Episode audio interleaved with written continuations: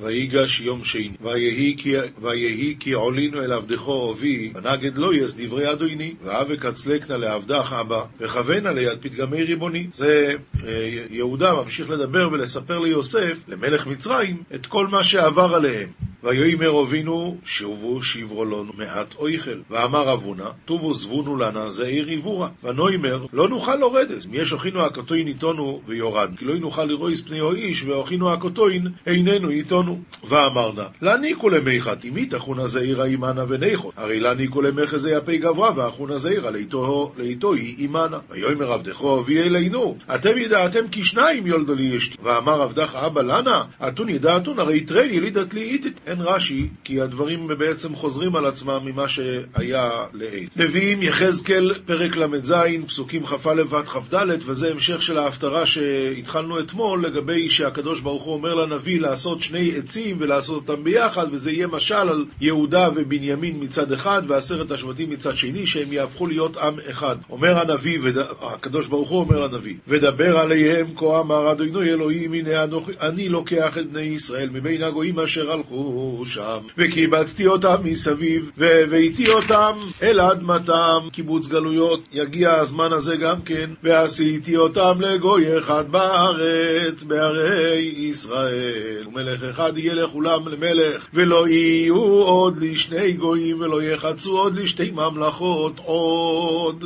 ולא יטמאו עוד בגילוליהם, ובשיקוציהם, ובכל פשעיהם, והושעתי אותם מכל מושבותיהם אשר חטאו בהם, ותיארתי אותם, והיו לי לעם, ואני אהיה להם לאלוהים. ועכשיו הנבואה הגדולה. ועבדי דוד מלך עליהם, אחד יהיה לכולם. ובמשפטי ילכו, וחוקותי ישמרו, ועשו אותם. המלך דוד.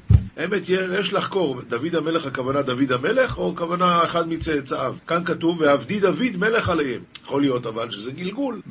בהושענות, שאומרים האשכנזים ביום הושענא רבה, כתוב שמה, הוא דוד בעצמו, הוא דוד בעצמו. אז גם שם במפורשים יש שאלה אם זה הכוונה באמת דוד המלך עליו השלום הוא בעצמו, או אחד מצאצאיו. אנחנו עוברים לכתובים, משלי פרק י', פסוקים י"א עד י"ד. אנחנו בפסוקים בפעם שעברה, אתמול, אז דיברנו לגבי הולך בתום ילך בטח, ומעקש דרכיו יוודע. למי הוא יוודע? קורץ עין ייתן עצבה, ואוויל שפתי ילווה. אומר רש"י, זה, זאת פסוק של אתמול, קורץ עין ייתן עצבת זה המסית אדם בקריצותיו לרעה. כאן ההמשך. מקור חיים פי צדיק, פי רשעים יכסה חמאס. מסביר רש"י, הקורץ הזה, זה שעושה עם העיניים בשביל למשוך אנשים, להסיט אותם, פיהם יכסה חמאס שבליבם. הוא בעצם רוצה את רעתך, אבל מה, איזה מילים יפות, נויפס צוף, שמחליקים את שפתיהם, ושנאה טמונה בליבם. ממשיך הלאה, שנאה תעורר מדנים ועל כל פשעים תכסה אהבה. הרש"י, רש"י מסביר, תראה, לפעמים בן אדם עושה עבירה והקדוש ברוך הוא מחליט לא להתייחס לזה. כרגע, בוא נראה מה יהיה ההמשך. אבל אם אפילו אחרי הרבה זמן הבן אדם הזה ממשיך לחטוא ולה, ולהעמיס חטאים, התוצאה של זה, שהקדוש ברוך הוא מזכיר לו גם את החטאים הישנים ההם, אומר רש"י, אפילו עבירה שניתנה לשכחה, נזכרת על ידי מרבית עוונות. באה השנאה האחרונה ומעוררתן את העבירות הישנות. שכן יחזקאל הוכיח את ישראל על עבירות מצרים, ואומר להם איש את שיקוצי עיניו השליכו. כמה שנים הייתה שנאה זו כבושה, ולא הזכירה להם הקדוש ברוך הוא? הרי מיציאת מצרים עד יחזקאל זה 500 שנה. אבל עכשיו שירבו עבירות על פשעיהם, אז הקדוש ברוך הוא יזכיר להם. ומצד שני, ועל כל פשעים תכסה אהבה. כשישראל מיטיבים מעשיהם, הקדוש ברוך הוא מכסה על פשעי. בשפתי נבון תימצא חוכמה, ושבט לגב חסר לב. רש"י, כשאדם מוכיח לנבון, אדם נבון שומע תוכחה, מה הוא אומר? חטאת. כמו שדוד אמר לנתן הנביא. נתן הנביא אמר לו, למשל כבשת הרש, על המקום הוא אמר לו, חטאתי. זה נקרא, שפתי נבון תימצא חוכמה. ושבט לגב חסר לב. אבל חסר לב, אומר רש"י, אינו שומע, עד שילקה כמו פרעה. מדברים איתו כמו אל הקיר. עוד יותר גרוע, הוא עוד שונא את זה שאמר לו. חכמים יצפנו דעת דעת, פי אוויל מחיתה קרובה. חכמים יצפנו דעת, אומר רש"י, ישמרו בליבם, שלא ישכחו, אבל האוויל, פי אוויל מחיתה קרובה. כאן אין רש"י, אבל המצודות דוד אומר, אבל פי כסיל תגיד דבר אשר המחתה קרובה ומעותד לבוא בעבורה ואינו חושש. אומרים לו, תשמע, העונש כבר קרוב, אין עם מי לדבר. פי אוויל מחיתה קרובה. אוי, המכה קרובה והוא עדיין לא שומע. זהו, עכשיו אנחנו הולכים ללמוד משניות. מסכת שבת פרק י"א, זה יש לנו כאן הקדמה גדולה ברבינו עובדיה ברדנורה, מה זה רשות היחיד, מה זה רשות הרבים, מה זו כרמלית, מה זה מקום פטור, הכל יש לנו היום פה במשנה הזו. משנה מסכת שבת פרק י"א, משנה א'. הזורק מרשות היחיד לרשות הרבים, מרשות הרבים לרשות היחיד, חייב. לפני שנתחיל, נקרא את הרבינו עובדיה מברדנורה. אומר הרבינו עובדיה, רשות היחיד הוא מקום שהוקף ארבע מחיצות גבוהות עשרה טפחים. וביניהם ארבעה טפחים על ארבעה טפחים או יותר על כן. כלומר, אם יש לי מקום שמוקף מחיצות של עשרה טפחים, ארבע מצות, ובתוך המקום יש לכל הפחות ארבע אמות על ארבע אמות, היחיד. סליחה, ארבע טפחים על ארבע טפחים זה רשות היחיד. ארבע מחיצות, עשרה טפחים גובה, לכל הפחות המקום הוא ארבעה טפחים על ארבעה טפחים, זה הופך להיות רשות היחיד. מה המקסימום? התשובה היא כל המדינה. יכול להיות ענן, לא אכפת. אם זה הוקף בשביל דירה, זה הופך להיות רשות היחיד. אני קורא שוב, רשות היחיד הוא מקום שהוקף ארבע מחיצות גבוהות עשרה טפחים, וביניהם ארבעה טפחים על ארבעה טפחים, או יותר על כן. אפילו יש בו כמה מילים, כלומר שטח ענק. אם הוקף לדירה, כגון מדינה שמוקפת חומה, ודלתותיהם נעולות בלילה, או מבואות, מבואות הכוונה רחוב ללא מוצא, מבואות שיש להם שלושה כתלים מסביב, כל מבוא היא רחוב ללא מוצא, זה שלושה כתלים, ודלתות, ו, ולחי ברוח הרביעית, לחי הכוונה אה, גבוה מטר אחד עשרה טפחים, זה נקרא לחי, וכן תל גבוה עשרה טפחים, ורחב ארבעה טפחים, או חריט שהוא עמוק עשרה ורחב ארבעה, זה רשות היחיד. ואפילו כלים כגון ספינה ומגדל של עט וכיוצא בהם. אם יש בהם ארבעה על ארבעה בגובה עשרה, כל אלו רשות היחיד. עכשיו נמשיך הלאה. ואוויר רשות היחיד. עד איפה זה רשות היחיד? התשובה היא כרשות היחיד עד לרקיד. רשות היחיד זה עולה עד, עד השמיים. ועובי הכתלים של רשות היחיד נידון כרשות היחיד. עד כאן למדנו את ההלכות של רשות היחיד. עכשיו אנחנו עוברים לרשות הרבים. רשות הרבים הוא כגון השווקים, הרחובות, המדברות והדרכים המפולשים להם, והוא שיהיה רוחב הדרך 16 עם. ולא יהיה עליו תקרה. ואי כלמאן דאמר, כלומר יש גם דעות אחרות. אנחנו אמרנו 16 אמה זה כבר רשות הרבים, אבל הוא אומר, תדע לך שיש גם דעות שה-16 אמה זה לא מספיק, אלא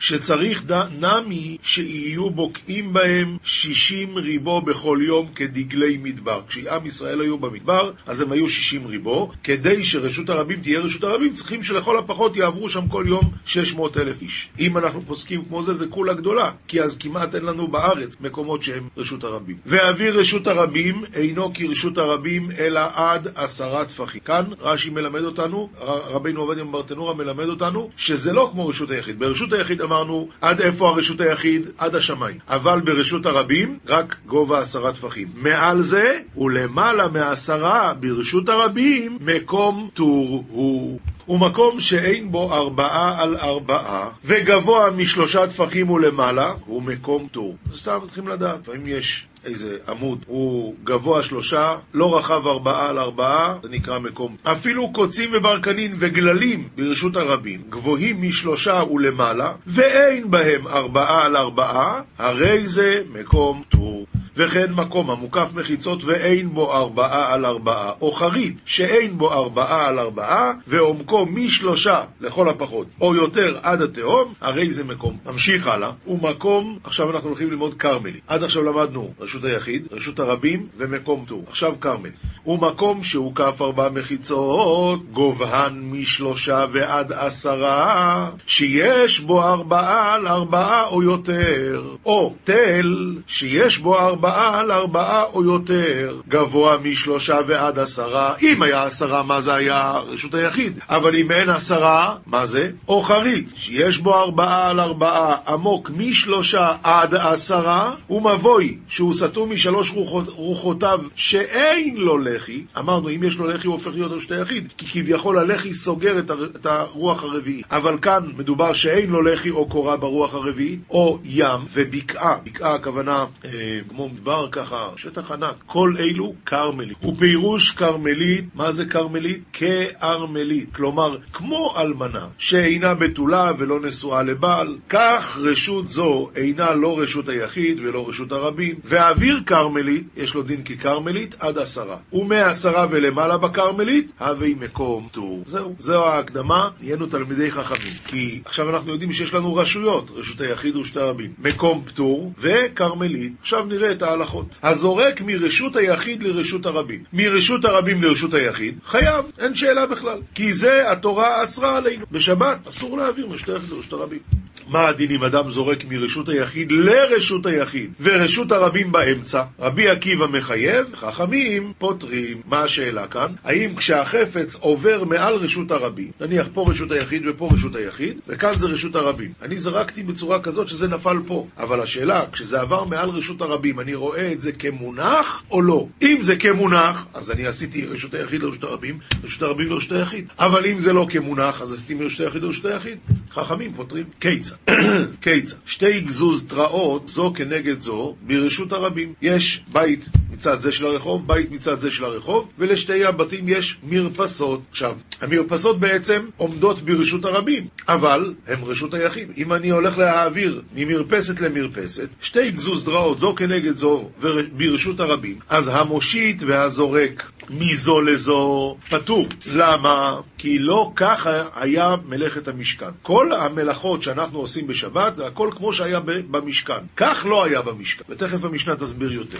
היו שתיהן בדיוטה אחת, כלומר, שתי המרפסות נמצאות על אותו, על אותו צד, פשוט בית ואולי אפילו בית אחד, רק כאן מרפסת וכאן מרפסת, והוא מעביר מהמרפסת למרפסת, אז זה אחד אחרי השני, לא אחד מול השני, אז המושיט חייב והזורק פטור, שכך הייתה עבודת הלוויים. הנה, עכשיו הוא יסביר. שתי עגלות, זו אחר זו, ברשות הרבים. הלוויים, כשפירקו את המשכן, היה להם עגלות. עכשיו, כל עגלה כזאת, היא הייתה גבוהה, ולכן היא הייתה רשות היחיד. עוד עגלה שעומדת מאחריה, גם כן רשות היחיד. והעצים שהיו עצי המשכן, קרשי המשכן, היו כבדים מאוד, לא היה שייך לזרוק אותם. אז איך היו עושים? היו מעבירים אותם מעגלה לעגלה. אם ככה, אז ככה הייתה עבודת הלוויים, ששתי עגלות זו אחר זו ברשות הרבים. מושיטין הקרשים מזו לזו, אבל לא זורקים, ממילא. אחד אחרי השני, כך היה מלאכת המשכן, ובהושטה. לעומת זאת, אם אני שם מפה לפה, רשות הרבים באמצע, וזה לא אחד אחרי השני, אלא אחד מול השני, פטור.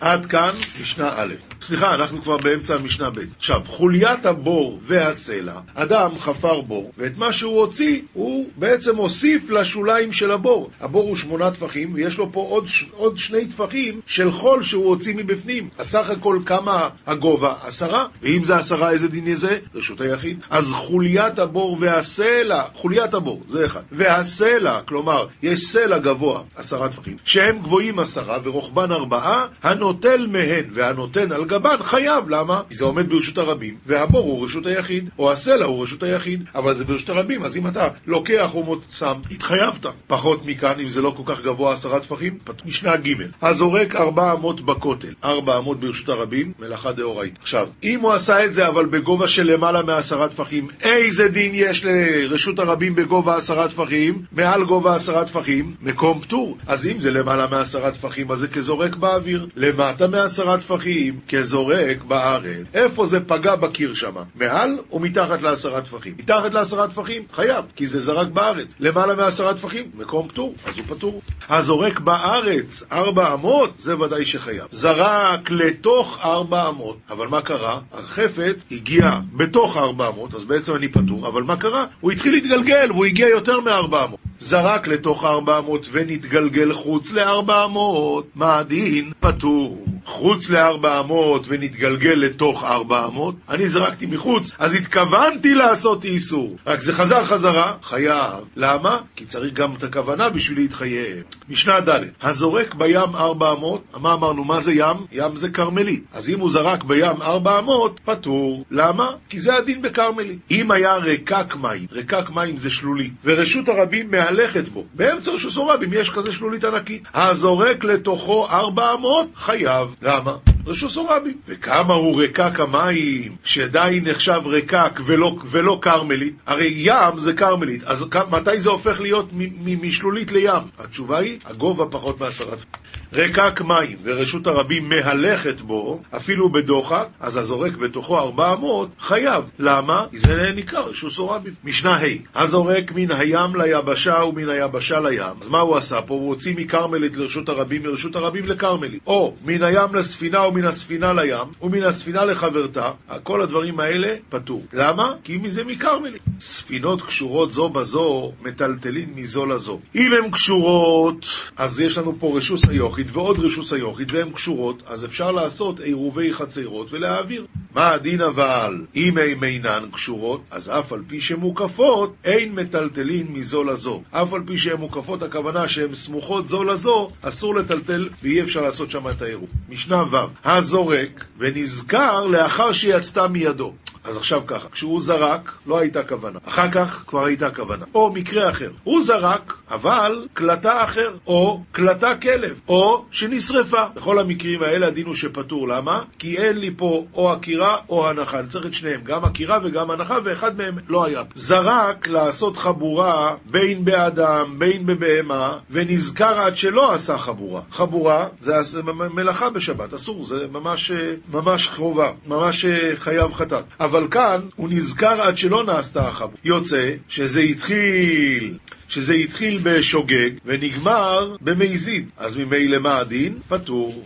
זה הכלל. הנה זה הכלל. כל חייבי חטאות אינן חייבים עד שתהא תחילתן וסופן. זה הכלל. תחילתן שגגה, סופן זדון, תחילתן זדון, סופן שגגה, פטורים עד שתהא תחילתן וסופן שגגה. זהו. ואנחנו עכשיו עוברים לגמרא, מסכת שבת. גמרא מסכת שבת, דף קי"ג עמוד ב', עומר רבי יחא בר אבא, עומר רבי יוחנן, מניין לשינוי בגדים מן התורה. מה זה הרעיון הזה של שינוי בגדים? בא להגיד לך שכשאתה בא להתפלל, בא לעבוד את השם, אתה צריך להחליף בגדים, בגדים יותר יפים. מאיפה לומדים את זה שנאמר? הוא פשט את בגדיו ולבש בגדים אחרים. שם מדובר על הוצאת הדשן. ורש"י בא באמת כבר בחומש אומר את זה, שמכאן רואים שאדם שמבשל תבשיל לרבו, כשהוא מגיש לו הוא צריך להחליף בגדים. כי דשן זה היה מלוכלך, פיח. אז עם הבגדים שהוא עושה את הדשן, הוא צריך אחרי זה להחליף בגדים, ורק אז להתחיל לעבוד. אומרת הגמרא, ותנא דבי רבי ישמעאל, לימדך תורה דרך ארץ, בגדים שבישל בהם קדירה לרבו, אל ימזוג בהם כוס לרבו. יש סוג אחד של שימוש, שזה במטבח, בא להגיש, אתה צריך להתלבש אחרת. עומר רבי חייא בר אבא, עומר רבי יוחנן, גנאי הוא לתלמיד חכם שיצא במנהלים המתולאים לשוק. מתולאים הכוונה עם טלאי. זה לא יפה. שואלת הגמרא והרבי אחא בר חנינא נף. הוא כן היה יוצא ככה לשוק. עונה הגמרא, עומר רבי אחא ברי דרב נחמן, בטלאי על גבי טלאי. טלאי אחד זה עוד בסדר, טלאי על גבי טלאי זה לא בסדר. ועומר רבי חייא בר אבא, עומר רבי יוחנן, כל תלמיד חוכם שנמצא רבב על בגדו, חייב מיתה. מדוע? כי הוא גורם לאנשים להגיד, תראה, פיכס, האנשים המלוכלכים האלה, התלמידי חכמים. זה לא יפה. אז שנאמר, כל משנאי אהבו מוות, אל תקרא משנאי, אלא משניאי. רבינה אומר, רבד יתמר. לא רבב, אלא רבד. מה זה רבד? הכוונה שכבת זרע. ולא פליגי. הבגלימה, הבלבושה. בגלימה צריך שלא יהיה כתם. בלבושה שלא יהיה אה, שכבת זרע. ואומר רבי יוחנן, איזו תלמיד חוכם שממנים אותו פרנס על הציבור, זה ששואלים אותו דבר הלכה בכל מקום, ואומר,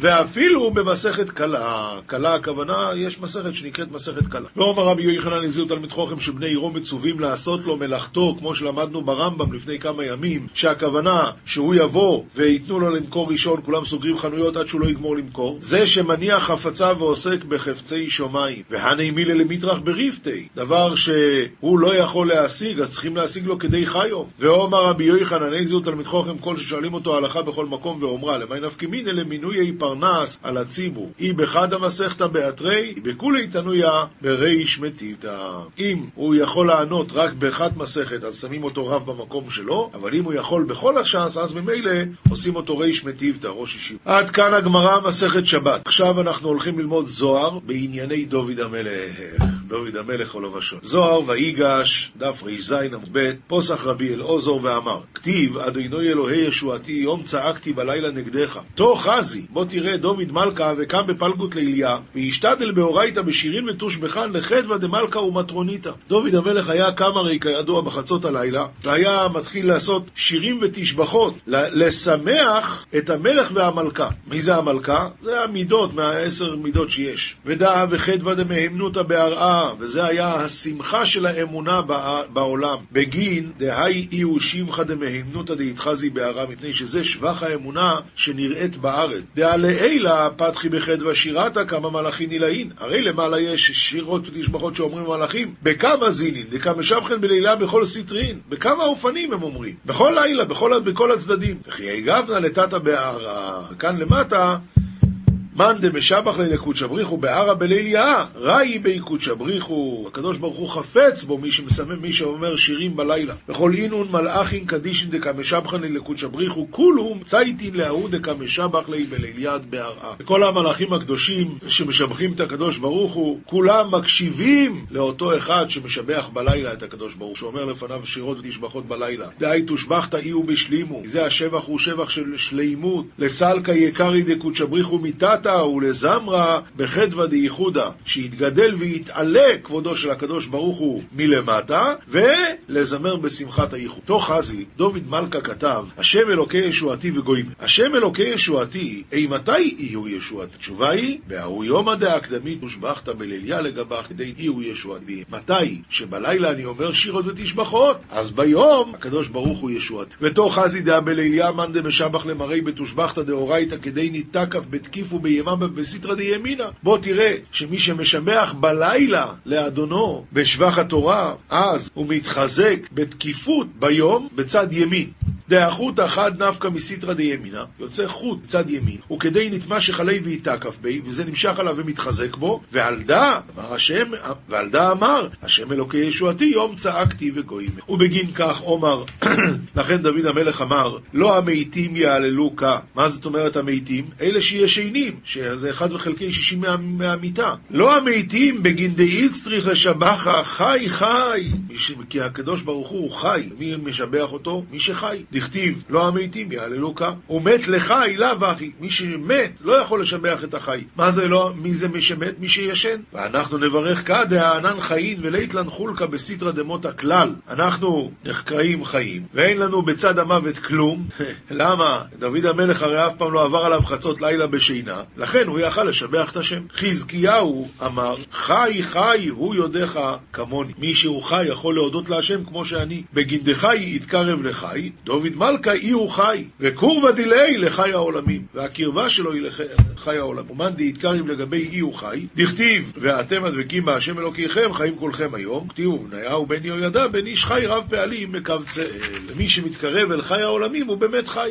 הלכה פסוקה, הלכה פסוקה, אנחנו ממשיכים את הלכות תשובה ברמב"ם, וכאן אנחנו לומדים שיש דבר כזה שמכפר אפילו על מייזי. אומר הרמב"ם, שעיר המשתלח, לפי שהוא כפרה על כל ישראל, כהן גדול מתוודה עליו על לשון כל ישראל, שנאמר, והתוודה עליו את כל עוונות בני הלכה ב', שעיר, שעיר המשתלח מכפר על כל עבירות שבתורה, הקלות והחמורות, בין שעבר בזדון, בין שעבר בשגגה, בין שהודה לו, בין שלא הודה לו, הכל מתכפר בשעיר המשתלח, והוא שעשה תשוב. אבל אם לא עשה תשובה, אין השעיר מכפר לו, אלא על הקלות. ומה הן הקלות ומה הן החמורות? החמורות הן שחייבים עליהן מיתת בית דין או כרת ושבועת שווא ושקר, אף על פי שאין בהם כרת, הרי הן מן החמורות. עוד פעם, ומה הן הקלות ומה הן החמורות? החמורות הן שחייבים עליהן מיתת בית דין או כרת, ושבועת שווא ושקר אף על פי שאין בהם כרת, הרי הן מן החמורות. ושאר מצוות לא תעשה ומצוות עשה שאין בהם כרת, הם הקלות. אז השעיר המשתלח מכפר על אלה, על הקלות, גם בלי תשובה, אבל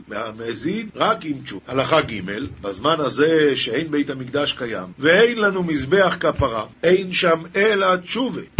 התשובה מכפרת על כל העבירות. אפילו רשע כל ימיו ועשה תשובה באחרונה, אין מזכירים לו שום דבר מרשעו שנאמר, ורשעת הרשע לא ייכשל בה ביום שובו מרשעו. עיצומו של יום הכיפורים מכפר לשבים, שנאמר, כי ביום הזה יכפר עליך. מוסר מספר חרדים דף סט עמוד ב בן אדם. הלא ידעת כי השם מודד מידה כנגד מידה. הטוב בעיניך כשתקראהו בצרתך, שיפנה ליבו ממך, כביכול. גם אתה כשתתפלל, תפנה ליבך מעסקך. אתה שומע? הכל מידה כנגד מידה. אז אם אתה, כשאתה מתפלל, אתה חושב על דברים אחרים, אז כשאתה כבר כן תתפלל, אז השם יחשוב על דברים. והיינו קרוב השם לכל קוראיו, לכל אשר יקראו באמת. על דרך, ומדוע באתם אליי אתה כאשר צר לכם, או קרלאסיה עד לא תצטריך לי.